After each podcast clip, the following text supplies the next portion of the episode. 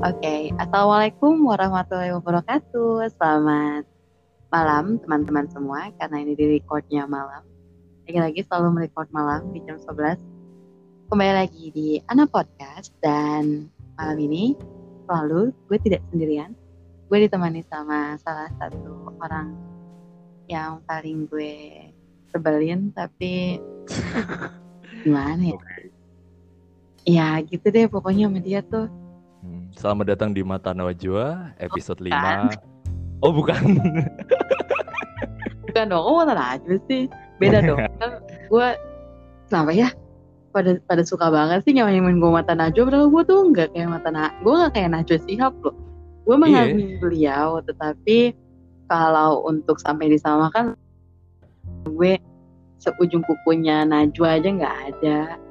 Gila loh. Seujung rambutnya aja nggak ada sama sekali. well, iya sih. Cuman eh, sepertinya menarik tentang pembahasan lu. Pembahasan tuh seperti menarik. eh, selalu menarik kalau menurut gue. Well, malam ini kita akan berbicara karena gue udah bawa gue apa nih manggil lo di sini Samael atau Well, you can call me Samael. oke Ah, gue bakal panggil Samael di sini gue sama Samael dan gue ketemu dia di salah satu platform um, di salah satu aplikasi dan kita nyambung menariknya lagi adalah dia kalau nyambung gak juga sih? Bapak Samael jujur banget sih Iya, kita banyak kontranya kebetulan. Oh iya ah, ah, iya. Jangan so akrab lu menting-mentingan di podcast. kita kita kontra di mana nih? Tuh kan keluar kan betawi gue. Iya kan kita kontra di mana nih? banyak sih kayak dari segi pemikiran yang sangat kontra. Dan kontra dalam hal eh, mungkin range umur juga ya kalau perlu diingat. Karena perbedaan umurnya cukup signifikan jadi perbedaan pendapat eh, sangat mungkin kayaknya itu terjadi. nggak perlu ditekankan deh soalnya. Kalau reses ya kemarin gue sempat eh, sebelum live ini di take record ya gue sempat Ah. mendengarkan beberapa eh satu podcast lo yang tentang sama seseorang membahas di aplikasi broadcasting radio online aha Ini ini nggak boleh sebut merek nih. nggak boleh dong Oh nggak boleh. karena ini tidak diupload di satu tempat coba Oh, oh iya iya. Eh, jadi gue menganggap ah terlalu kaku nih. Kurang kurang ngeflow, kurang ngeflow. Maka mungkin malam ini khusus ke, dengan Samael kita buat agak sedikit rese aja. gimana gimana agak rese jadi maksudnya Bapak Samuel ini akan mengeluarkan kata-kata yang biasa Bapak Samuel keluarkan nih Ya karena kan eh, kalau kita kas we gonna talking about some metal music kan for sure. Eh, metal musik itu sangat erat dengan perlawanan gitu. oke Jadi, why Yap, not kita jadi teman-teman malam ini tuh kita bakal bakal apa bakal bicara soal musik metal yang kita sama-sama tahu kalau di Indonesia kayaknya kurang kurang berkembang. Lo bisa menerima nggak dengan diksi gue bahwa musik metal di Indonesia itu kurang berkembang? Well, eh, gimana ya untuk yang sekarang-sekarang ini nih sejak khususnya tahun 2013 ke atas itu memang gue mengakui sih kalau musik metal sendiri di Indonesia kurang berkembang itu gue sangat mengakui. Cuman kalau dibilang ada nih sebagian orang yang ngomong kalau eh, bro metal is dead, metal udah sudah jarang banget peminatnya di Indonesia. Wah, gue Oke. kurang setuju kalau statementnya seperti itu karena kalau kita lihat nih salah satu event apa ya musik metal paling gede contohnya ada Hammer Sonic sama si Bandung Berisik itu bisa mendatangkan sekitar tiga ribuan orang loh 30 ribu bahkan 30 ribu yang Hammer Sonic tahun kemarin Wow, bayangin 30 ribu 30.000 itu. Ah, iya, ha, ah, bukan lembaran. manusia semua Kan? Soalnya nyamainnya aneh banget. Iya. tiga puluh ribu orang berarti peminatnya itu cukup banyak. Iya dong karena karena gue kira ya gini deh gue terus terang jarang banget di circle gue pribadi yang suka musik metal. Itu jarang. Makanya untuk mendengarkan akhirnya atau em, atau apa? Atau mendengarkan atau tahu informasi tentang metal itu sangat-sangat minim di gue. Karena itu tadi gak banyak orang di sekitar gue yang suka metal. Suka lagu-lagu oldies rata- rata-rata Hmm. banyak lagu oldies karena gue old as you know. Nah, diam deh Diam. habis ini soalnya lo bakal dapat spam WA gue hina-hina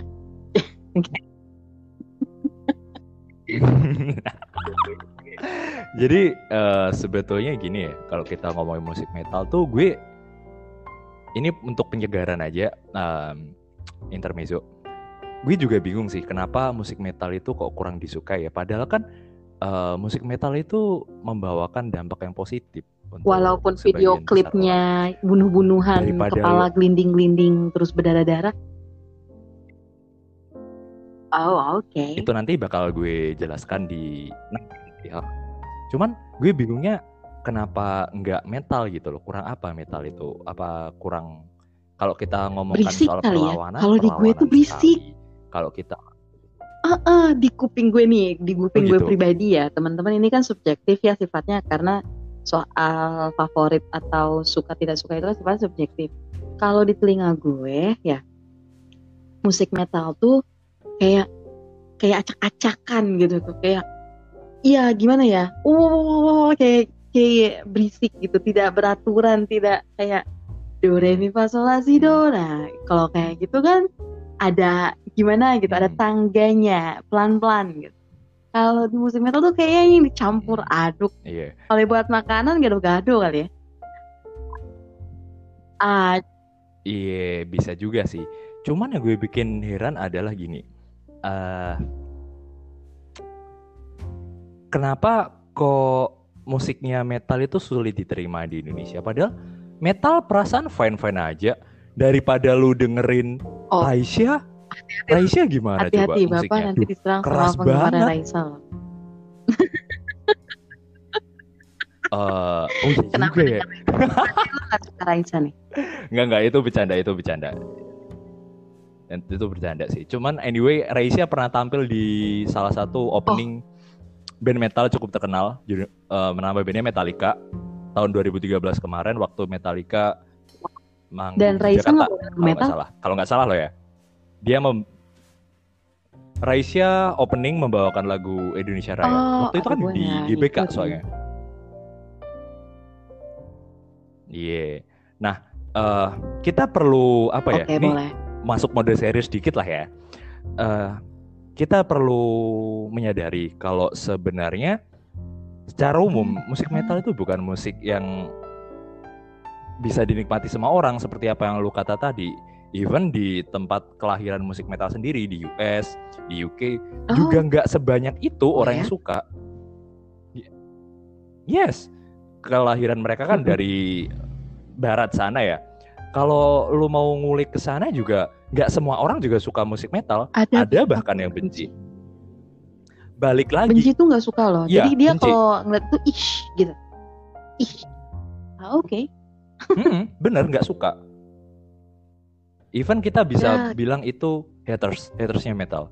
Itu ada. Biasanya terus metal itu apa ininya? Em, genrenya pop atau? Biasanya mereka eh kalau itu sih Oh. sangat-sangat apa ya? Tidak ada kontras di sini.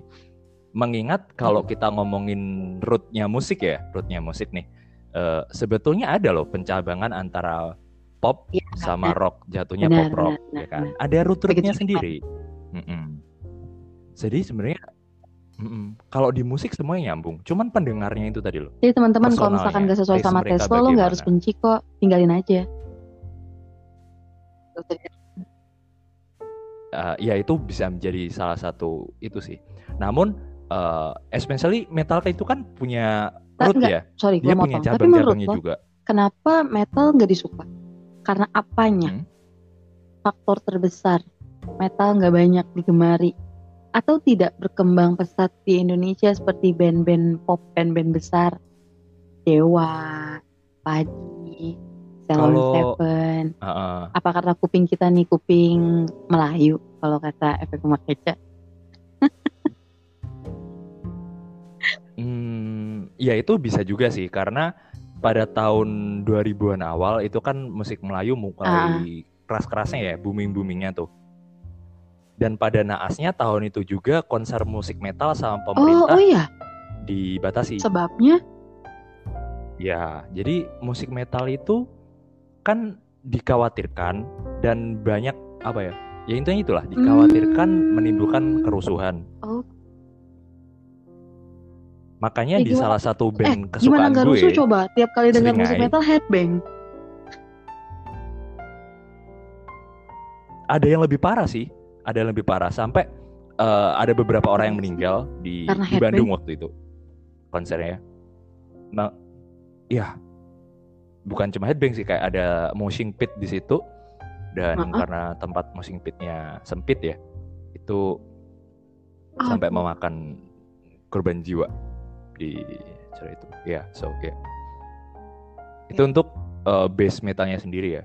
Kita belum Iya, sampai uh-uh. ke yang very very deep metal yang kayak death metal, doom Yuma, metal yang kayak Lo gitu. pasti punya itu dong, Nanti kita bakal bahas band itu. metal favorit. Sebutin dong. band metal favorit. Jadi gini, jadi gini nih nak, Eh, gue itu sebenarnya adalah anak baru dalam Iya, anak dunia baru. metal. Di ospek dulu dong di ospek. Iya. Karena eh, gue ah. itu terlahir Kemarin. tahun 98 Eh, kemarin. kan. 98 itu 22 Dan- tahun yang lalu, Pak. Tolong sadar. Iya, sekira anak baru karena kelahiran segitu. Jadi gue ngelewatin nih Iya. golden eranya musik metal. Gue mulai mendengarkan musik metal itu karena Bokap lo juga Bokap. penggemar musik Yang metal, serius? bokap gue itu yang pertama kali gue tahu ya kalau itu musik rock adalah Oke, yang tahu. dengerin Ya mungkin lo tahu. Bon Jovi dong. pasti ya. tahu dong Bon Jovi ya kan sebangsa Ah, ah, ah. ya rock yang romantis romantis gitu terus eh, gue perlu berterima kasih banyak sama Oke. bentar Dasar damet. Jamet lewat Kalau kata si Ari tinggal nunggu waktunya aja sih.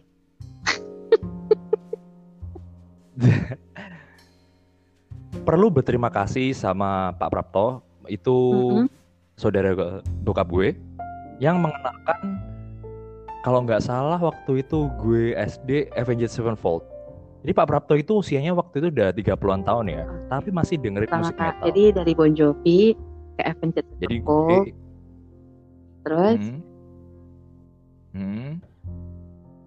Nah, gue jadi nggak suka nih sama Bon Oh, Jovi oke. gara dengerin Avenged itu. Karena gue merasa apa ya Ah. jenuh gitu loh. Kok apa? lagunya alay banget sih gitu. Eh, menurut gue ya waktu itu. Akhirnya diberikanlah eh, Avenged yang waktu itu gue inget banget singlenya Nightmare kalau nggak salah yang waktu gue suka. Kan penuh dengan apa ya eh, riff gitar yang berat-berat efeknya double bass yang cepet suara yang teriak-teriak. Dan gue waktu muda waktu itu makanya Oke. ini jiwa gue. Kayak ada jiwa-jiwa dari dalam yang keluar auranya secara otomatis. Yes Heeh, benar. Dan dari Jadi situ akhirnya gue- lo sadar wah, kalau lo bukan manusia lah ya, lo waktu setan. itu gue bu ya kagak gitu juga sih. Si sialan. Jadi waktu itu kan eh, itu ya gara-gara beat yang itu tadi gue belum tahu arti tuh gue belum tahu apa Ah, yang dia sampaikan dalam Oh lo gak pinter bahasa itu. Inggris ya? jadi kalau kagak pinter bahasa Inggris sama sekali Dan- iya. Dan lo waktu itu belum ada akses untuk Tulen, mencari tahu liriknya seperti apa. Oke. Betul banget. Dan gue suka musik metal Oke. purely dari instrumennya. 100%. Sampai sekarang masih. Padahal instrumen itu berisik banget loh. kayak di kayak dihantam apa gitu tiap kali kalau gue dengerin metal tuh kayak di apa ya kayak digebugin rasanya tuh sakit kuping gue soalnya jadi kayak, kayak digebugin badan gue tuh Nah. puk puk puk puk puk puk ada aja yang Heeh, kayak gitu lah itu dia Mm-mm. jadi menurut persepsi orang yang kurang suka dengan musik metal seperti itu but when you can relate with Mm-mm. this apa ya that beat Mm-mm. beatnya itu tadi yang itu kalau gue menganggap itu sebagai apa ya cerminan Oh, ketika gue marah semua di gue keresahan gue itu terkeluarkan dalam musik metal so eh, itulah kenapa gue bilang tadi metal is never die karena selama generasi muda masih merasakan amarah dia masih bisa apa ya benci dengan Jamet, mohon maaf sih. Sialan. Coba dikontrol dulu motor lo, sumpah. ya Kita lagi record podcast nih. Fisik tuh, nggak suara lo bocor di sini. Nyebelin tuh orang tuh. Lanjut. kurang ajar bang selama generasi muda masih marah ya eh, selama itu juga musik metal akan tetap bergaung karena musik metal adalah bentuk daripada perlawanan itu selalu itu pasti menurut gue loh ya Bisa pribadi. diulang Pak, tadi tadi sempat itu. reconnecting Bapak. jadi Ya. Oh ya? Eh, gue ulang lagi ya. Yang namanya musik metal itu nggak bakal mati nah selama generasi muda masih merasakan amarah masih merasakan kekecewaan tetap bakalan ada musik metal.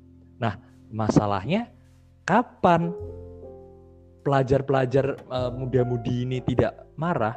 Lu lihat berita sekarang aja deh. Lihat berita dikit di Instagram pengen marah pengen maki-maki daripada maki-maki orang mendingan teriak-teriak Jadi, di musik metal Oke, Seperti jadi, itu. korelasinya gue musik metal nih bisa dijadiin tempat lo pelampiasan deh. Yang marah, yang sedih, aura-aura Iya. negatifnya tuh bisa lo lampiaskan ke sana. Lalu setelah mendengarkan itu lo kayak yang lega, kayak oh finally kayak yang kayak gitu. Terus eh, jadi ya Hmm. gitu deh. Jadi lebih enak, lebih santai. Tapi kan nggak semua orang bisa menikmati. Tadi kembali subjektif dong Pak Samael bahwa ah, ah, bahwa em, Iya, seperti itu. kayak gue pribadi kalau ngedengerin musik metal tuh ya aduh apaan sih nih gitu. Langsung kayak yang nolak gitu kuping gue. Nggak nggak gue nggak suka nggak nggak nggak deh nggak deh. Nggak berisik banget. Gue butuh yang gue malah kalau misal kalau gue kalau misalkan lagi marah lagi sedih eh gak kalau lagi marah mungkin gue lebih denger apa ya em, blues atau malah jazz malah kayak gitu. Jadi nenangin gue gitu. Jadi nenang Jadi lu kayak Behemoth, Slipknot, Slayer, Megadeth satu-satunya gitu yang gue tahu cuma ya? Slipknot kalau misalkan di luar. Dan itu pun ya itu tadi gue tuh eh, ya waktu itu pernah gue share ke lo kalau misalkan gue tahu Slipknot gara-gara si Cory Hah? Stone Sour dan Stone Sour. dan itu kan gue suka banget ya lagunya ya Iya. Stone Sour itu ya enak banget dan gue kaget ketika Hmm. tahu ke dia Hmm. itu ternyata vokalis dari Slipknot what are you sure really suara dia di Stone Sour tuh manis banget loh kok dia bisa bisa teriak-teriak gak jelas sih di Slipknot kayak yang dua orang berbeda gue liatnya Sebenarnya ini gue apa ya sempat ngelihat video antara Corey Taylor sama si Loudwire. Dia interview di Loudwire itu. Uh, so why do you wear mask? Salah satu alasan Corey Taylor Corey Taylor masker menggunakan atau topeng itu? Uh, si apa? Aha. Topeng itu bukan topeng sih lebih tepatnya. Itu sebetulnya ya ungkapan amarah dan topeng itu bukan persembunyian karena kita sama-sama tahu ya teman-teman. jiwanya musik gitu. metal tuh kayaknya emang identik banget sama ada kostum-kostum tersendiri deh. Iya nggak sih? Di mana kita harus sebutkan lah kalau topeng itu bagian dari Well- kostum. Kan karena orang tidak biasa memakai seperti itu. Ya dong. Nah, sehari-hari mereka pakai kayak gitu sih. Oke kan oke kayak oke. sesuatu yang nggak biasa dipakai iya iya iya gitu juga loh. sih. Bukan outfit yang biasa dipakai sehari-hari gitu kostum saat manggung topeng itu kan bagian dari itu gitu kenapa Hmm. ada apa Hmm. Kalau di ini beda-beda ya. Nanti gue kasih beberapa referensi. Mm-mm. Kita ambil aja yang pernah lu tahu yaitu Slipknot. Kalau lu perhatiin topeng daripada si Beda, benar, benar. itu per individualnya beda. Iya. Iya kan? Ada yang Uh-uh. duri-duri, ada yang hidungnya Ada yang panjang banget. beda sebelah gimana gitu So, beda sebelah uh, Heeh. Iya, itu ada Badut. ada yang badut juga kan? nggak. Si perkusinya si clown yang gemuk. Itu kalau mereka bilang alasannya beda-beda kenapa memilih topeng itu? But pertama kali pembentukan Slipknot ya alasannya buat keren-kerenan aja pada awalnya loh ya. Cuman eh, makin ke sini makin ke sini mereka mencoba mengekspresikan diri bukan menutupi loh ya mengekspresikan ini gue dari topeng itu Nah, kemudian eh, ada satu fans yang waktu mereka interview di Australia bertanya, "Oke, itu Anda, tapi kenapa harus masker? Kenapa tidak muka Anda sendiri?" Intinya kan seperti itu ya. Kemudian pada waktu itu drummernya gue masih inget banget si siapa? Yang kecil tuh Oke. astaga lupa. Joy Jordinson. Joy Jordinson itu dia bilangnya kalau well kami ini menyuguhkan musik untuk kalian. Don't give a fuck about Ah, ah. our body gitu loh. Jangan nggak usah peduliin kami, wajah kami gimana. Ini loh personal kami udah jadi di sini. masker yang jadi masker jadi masker itu bagian dari identitas ya Yes, makanya beda-beda. Beda kalau kita ngomongin ghost.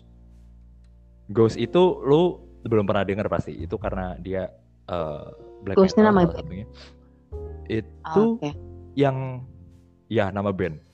Dia si yang bedain cuman si vokalisnya. Vokalisnya nggak pakai masker tapi dia eh nggak pakai topeng dia pakainya make up tengkorak tengkorak gitu di make up. Yep. Painting tengkorak gitu. Kalau basis, drum, gitaris Oke. semuanya pakai topeng. Karena ketika Mm-mm. dia interview ditanya, why nih kok pakai gituan? Ya, ini identitas band gue, ya, suka-suka gue Dan- lah. dan eh tapi kalau misalkan kuburan band dia sama semua deh make up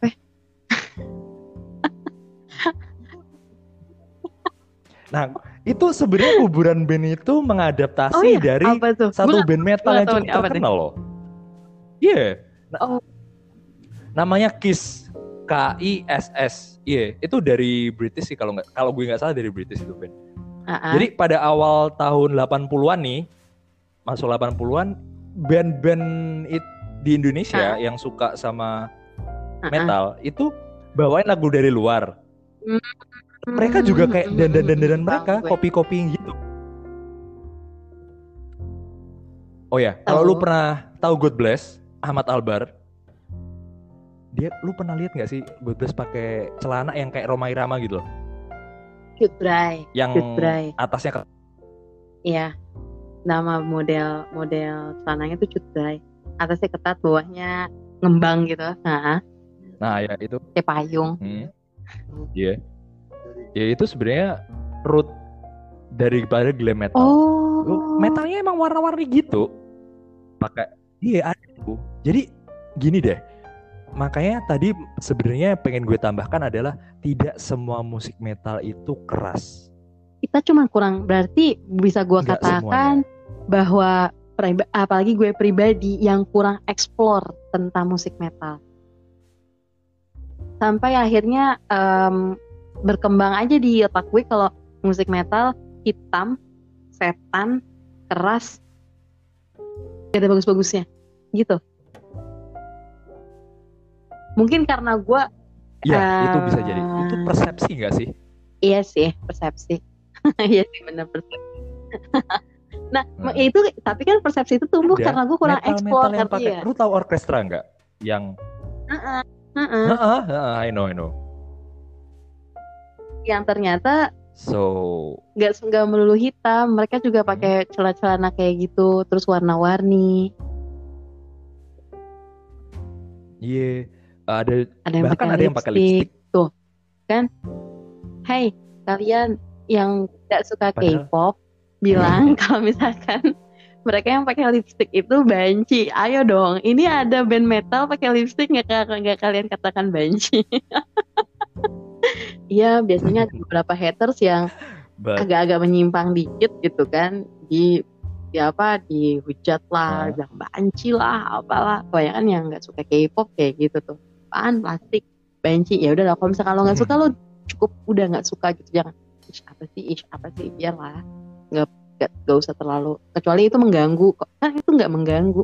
Yang namanya selera kan subjektif. Kayak gue aja. Gue nggak suka gue nggak suka metal gue nggak ngata-ngatain pas Samael apa sih lo metal? Udah gak usah metal dangdut aja gitu. Kan gue nggak gitu eh tapi lu pernah ngatain gue psikopat. Ning. itu psikopat? Bukan karena itu ya? Itu beda jalur. Itu karena anda suka mengasah pisau di tengah malam. Bapak teman-teman nih FYI ya. Pak Samael ini punya kebiasaan agak aneh di mana dia tuh suka banget ngasah pisau. Sebenarnya ini udah jam-jam dia ngasah pisau nih jam, jam record podcast ini nih jam-jam Iya, 11 bener nih. ini nih Ya, ini nih biasanya dia tuh. Ah, ah, waktunya ngasah pisau nih dia seharusnya tahu ngerekam ngelang record podcast bareng gue. Ini dia tuh punya kebiasaan aneh, dia suka banget nge ngasah pisau di malam hari gitu, biar tajam. Setiap hari loh dia ngelakuin gitu, srek, srek. Apa gue gak mikir dia psikopat ya? Kan gue ngeri dong. Ini kayak orang, kayak dia pengen bunuh orang deh. Ini lagi siap-siap apa deh? Tapi enggak, memang emang ternyata emang kayak gini orangnya tuh seneng hal-hal yang kayak gitu, benda-benda tajam atau soalnya dia pernah ngirimin ke gue foto pisau gitu, tapi em, bentuknya kayak helaian bulu gitu. Gue suka, itu gue suka, menarik lah Hmm. istilahnya.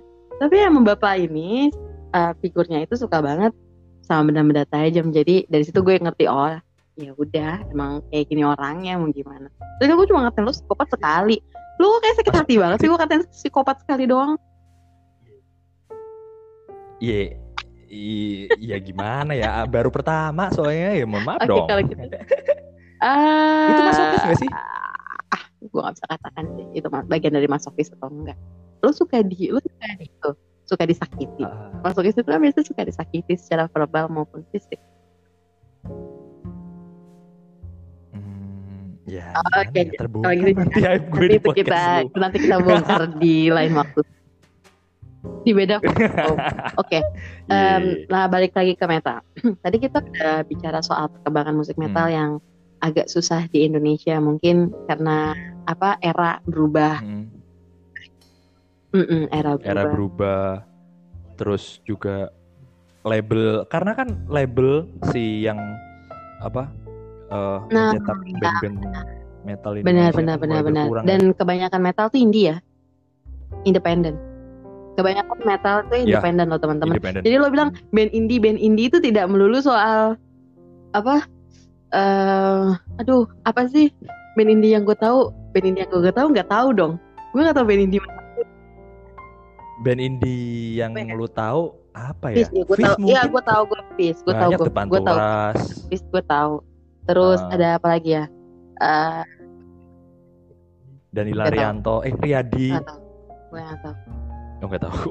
apa pokoknya banyak deh band-band indie Ta- tapi kan orang kan mm, mm, apa punya pergeseran tuh band indie kan padahal bukan bukan band bukan jalur atau genrenya tapi kan karena dia independen iya kan jadi orang Iya. kayak kayak Ah, ah, mm, benar. "Ih, ini band indie maksudnya ya akhirnya jadi genre. Padahal kan indie itu kan genre indie itu karena dia independen dan metal itu kebanyakan band-bandnya itu indie independen karena banyak label-label gede benar. yang eh, mau menaungi band-band kayak gitu. Bukannya mm, mereka nggak mau Hmm. apa karena nggak ada pasarnya ya? Eh, itu juga salah satu aspek mereka tidak mau itu. Mm-mm. karena pak marketnya udah kurang dan sedangkan kalau konser-konser kan Mm-mm.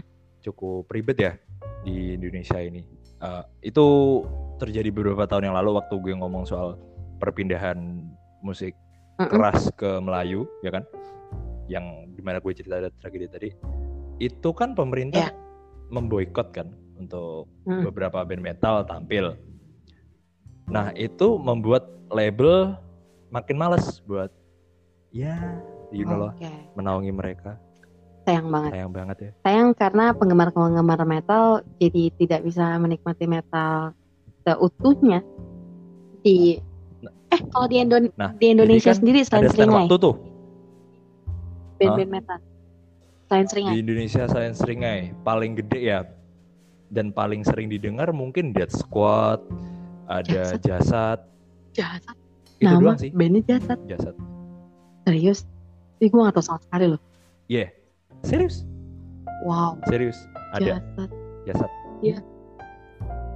Mungkin yang paling terkenal ya daripada semuanya itu yang gue sebutin tiga tadi itu yang lagi boom in sekarang.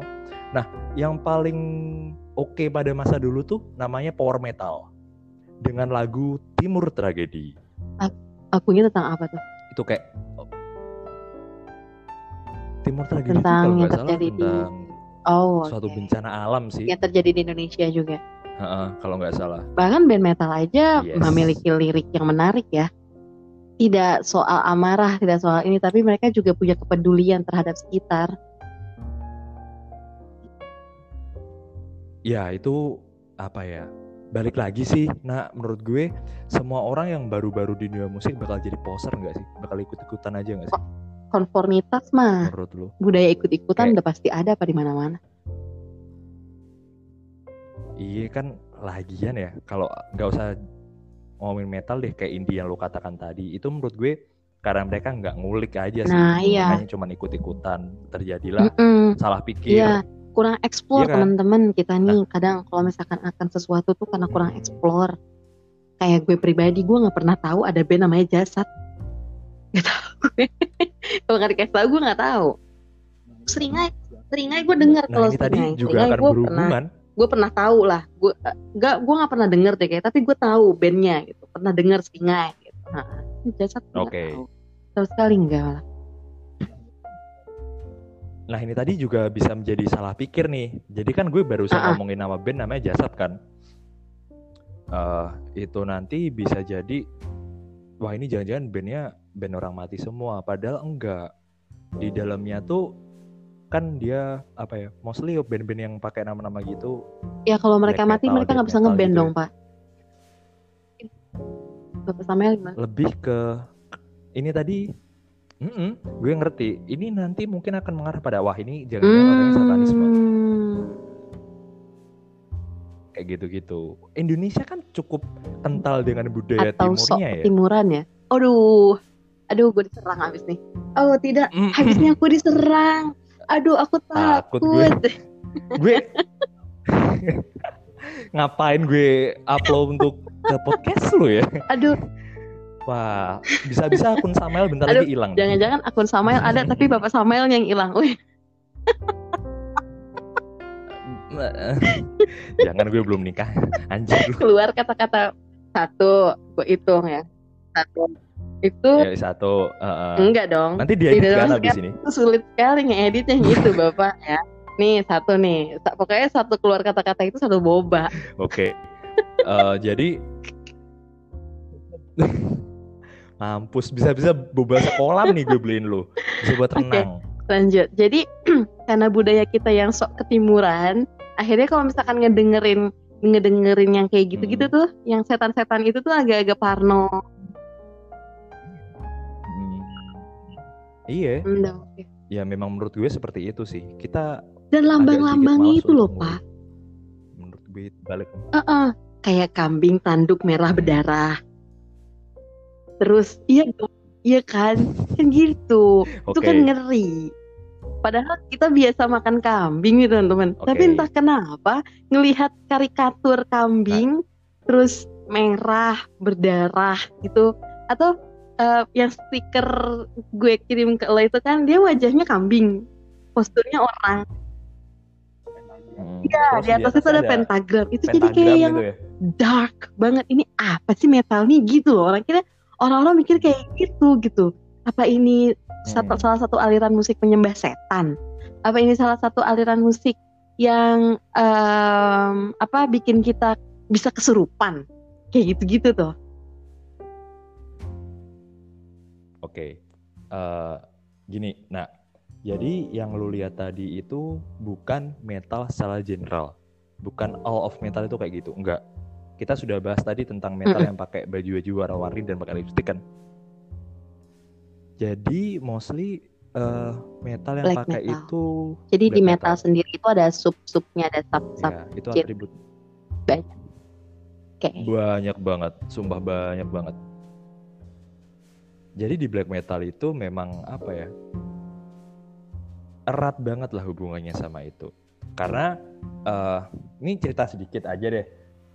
Kan dulu pada tahun mm -hmm. 80 90-an ya kan yang mana itu kalau nggak salah gue di UK deh soalnya Venom ya jadi black metal itu kan turunan dari thrash metal ya thrash metal tuh kalau lu tahu Slayer gitu uh, anyway kalau teman-teman ada yang pernah tahu Slayer ya death metal itu pencabangan daripada thrash metal nah di UK dulu tuh ada namanya band Venom. Venom yang musuh Spider-Man. Venom ini bikin album.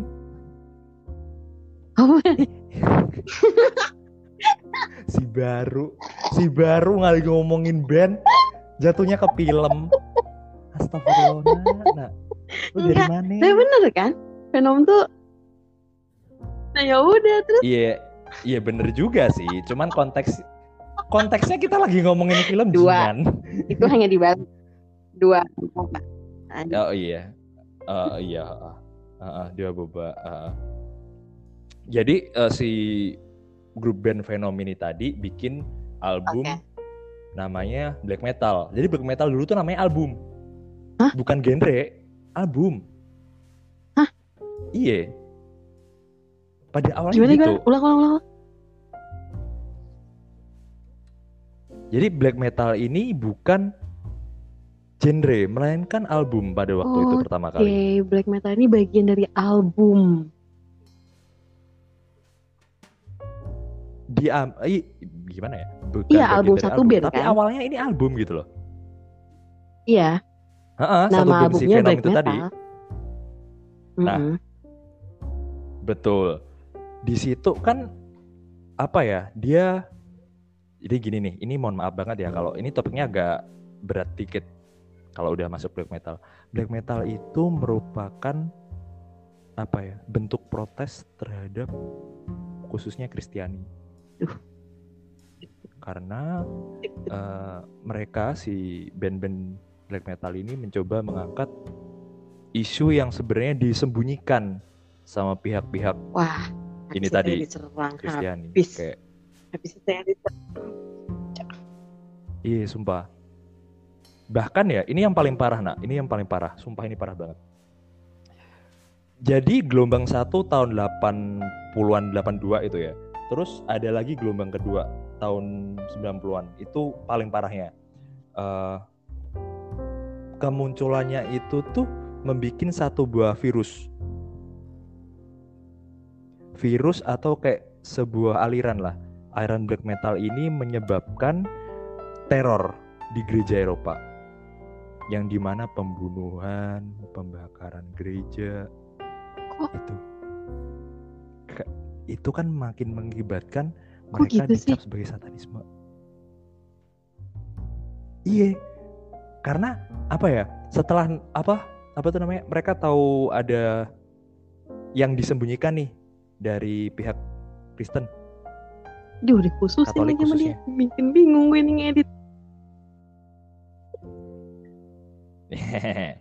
nah, ini memicu beberapa pembakaran gereja dan pembunuhan di dalam gereja di Eropa pada waktu itu. Ini bisa research di Wikipedia, dokumennya ada semua. Ini fakta. Apa banget. Aku jadi takut. Gimana dong? jadi karena ya itu, di situlah awalnya. Karena itu terbentuklah perbentukan um, label bahwa ya. metal itu kayak musik setan, musik yang nggak beraturan, hanya bisa men, apa hanya bisa melampiaskan amarah tidak ada makna di dalamnya karena ya kan gue pernah cerita kayak gini ya gue punya temen satu um, dia ditinggal di New Jersey namanya Elijah dan dia itu penggemar ba- berat banget musik metal. Dan waktu itu dia ngerekomendasiin ke gue satu band. Gue lupa sampai sekarang gue tuh lagi coba inget-inget dan gue lupa aja nge-snapchat dia. Gue gue kayaknya gue harus nge-snapchat dia dari abis ini. Eh, nanyain bandnya apa. Gu- yang didengar gue ini band cuma teriak-teriak. Yang di kuping gue. Nggak ada satupun kata bahasa Inggris yang gue ngerti. Hmm. karena dia cuma kayaknya dari dari dari awal lagu sampai akhir lagu dia cuma ah gitu doang. Yang gue denger kayak gitu. Tetapi terus di deskripsi boxnya yang di YouTube Oke. itu ada liriknya. Dan gue suka liriknya.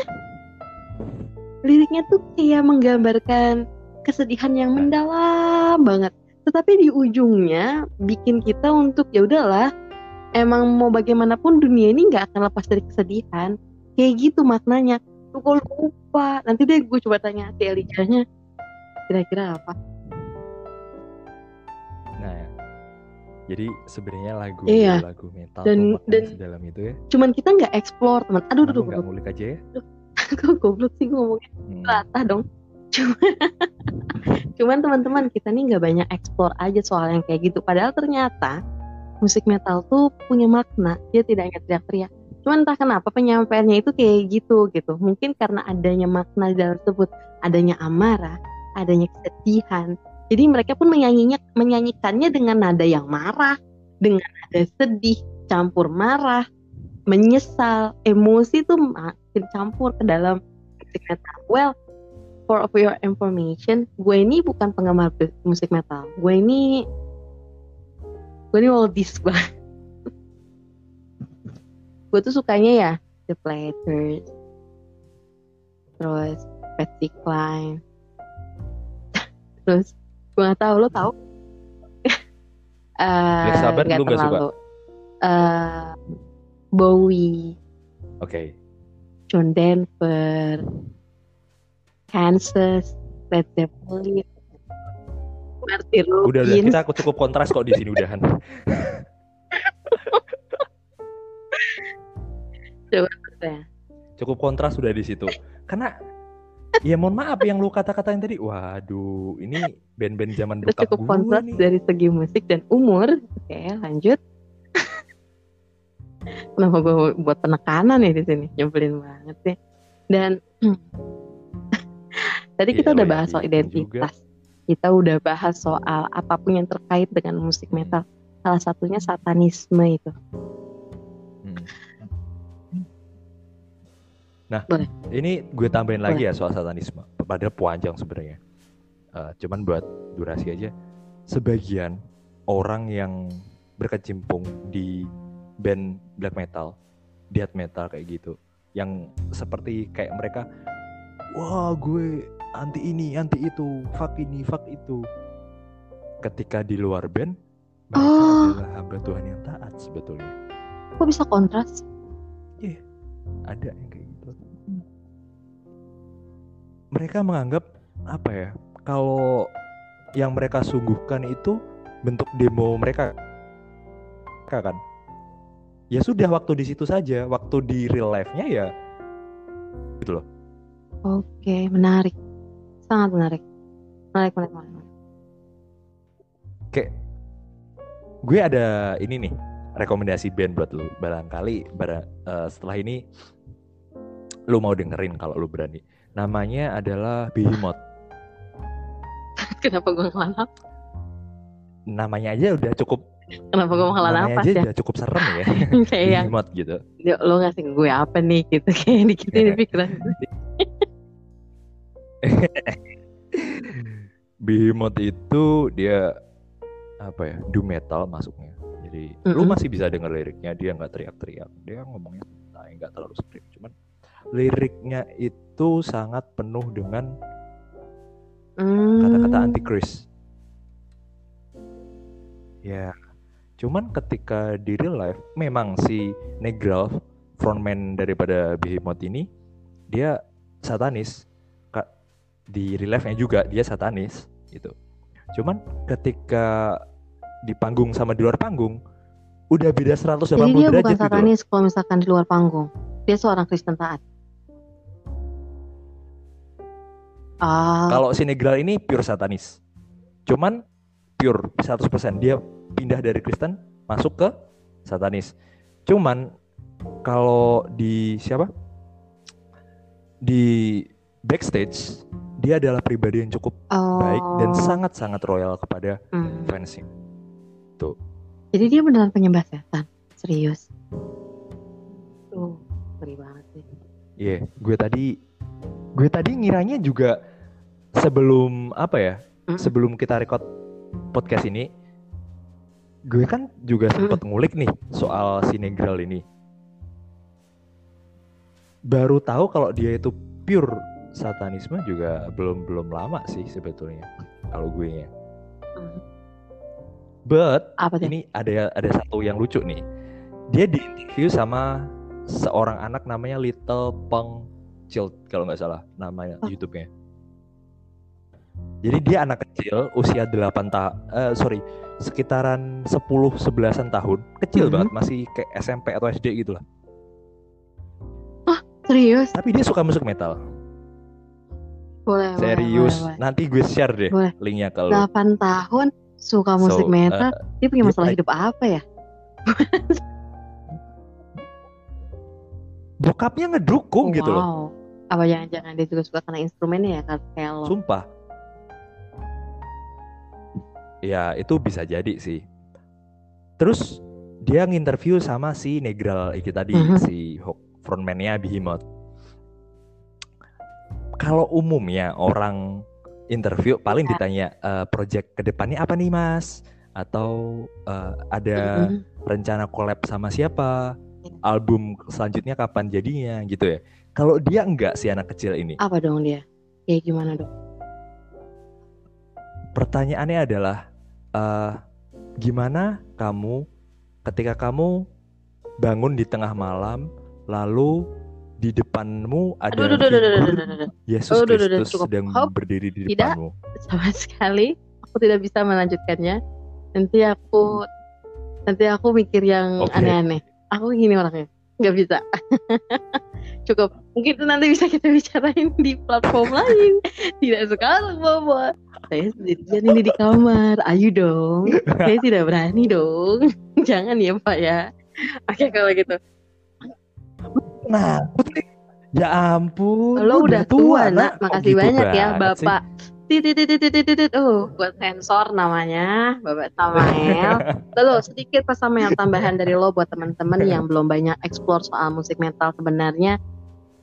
sekali sekalian kita close statement deh. Musik metal itu menurut lo apa? Dan pesan dan pesan-pesan sedikit buat teman-teman yang tidak terlalu mengeksplor musik metal. Kira-kira harus gimana? Well, hmm, well, I must to say thank you buat especially Slipknot ya. Karena dari band itu gue berhasil survive daripada rasa depresi gue selama Oke. almost five years. Dari musik itu gue belajar bagaimana cara mengendalikan emosi. Gue tahu bagaimana porsi untuk mengeluarkan emosi gue, di mana gue bisa mencurahkan curahan hati terdalam gue. But you know guys, jangan jangan nangis jangan. kita sering mendengar yang namanya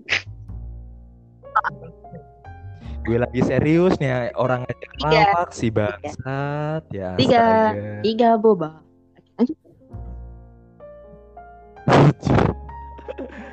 Gue sangat berharap ke depannya sama kalian eh, jangan pernah Yap. memandang sesuatu hanya dari covernya I- yap. di mana pun itu segala bidang jangan cuma di musik ketika lu bersosial dengan orang juga itu juga perlu but Iya, karena ini Ya, terjadi kalau gue nggak gue nggak terlalu gini banget ke metal, tapi kan gue ngedengerin beberapa lagu Korea nih terus terang. Mm-mm. Dan gue bukan Hmm. K-popers, bukan. Gue mendengarkan aja penikmat doang, bukan yang into banget kayak yang tenggelam ke dalam itu. Gue punya light stick ataupun kaos-kaos poster gak gue sama sekali Hmm. nggak. Gue cuma penik- penikmat di Joox, di Spotify sama di YouTube gue. Dan Hmm. ketika orang-orang berpikir bahwa, eh apa itu um, selalu satu contoh band yang terkenal dari apa boy band terkenal Korea dari BTS. Selalu BTS. Orang pada bilang, ih apa tuh joget-joget gak jelas gitu. Padahal kalau misalkan kalian kulik liriknya itu maknanya sumpah dalam, dalam banget. Dan itu lebih kepada penyemangat kita buat anak-anak muda, Iya. buat jiwa-jiwa muda bahwa kalian tuh bisa kok melalui apa pun yang kalian lagi hadapi. Kurang lebih kayak gitu. Tapi karena orang-orang liatnya udah ih itu cowok dandan joget-joget banci gitu. Akhirnya karena sudah dapat covernya seperti itu di awal, mereka nggak pengen explore ke dalam. Begitu juga yang terjadi sama musik metal kayaknya buat kita kita teman-teman yang melihat metal tuh hitam, Hmm. setan, sesat, eh, teriak-teriak gak jelas, instrumennya berisik. Padahal itu tadi ke- ketika gue dapat apa em, pencerahan sedikit tentang musik metal dari si Ellie, Elijah teman gue ini yang di New Jersey. Si Ellie, oh maknanya bagus. Ntar deh gue cari deh, ntar gue bagi ke lo deh sumpah. Nanti gue kasih. Gue juga penasaran. Iya. Anyway, gue juga itu sih mendengarkan Apa boyband Korea sih. Satu doang tapi. Oh. Sumpah. Big Bang. Oke. Big Bang. Mhm, Gue mhm. sampai Dan sekarang gue- masih dengerin gue juga suka. Big Bang. Kalau Big Bang gue suka. Banyak orang yang berpersepsi kalau orang yang udah Padahal suka ya? musik metal, udah di situ aja. Kayak ya kagak men hidup maka juga kagak kenceng-kenceng selalu gitu loh. Gue juga sobat ambiar, Oke, sobat oh, oh iya, heeh. Heeh, jadi kemarin tuh beberapa hari yang lalu, jadi beberapa hari yang lalu Pak Samael ini ambiar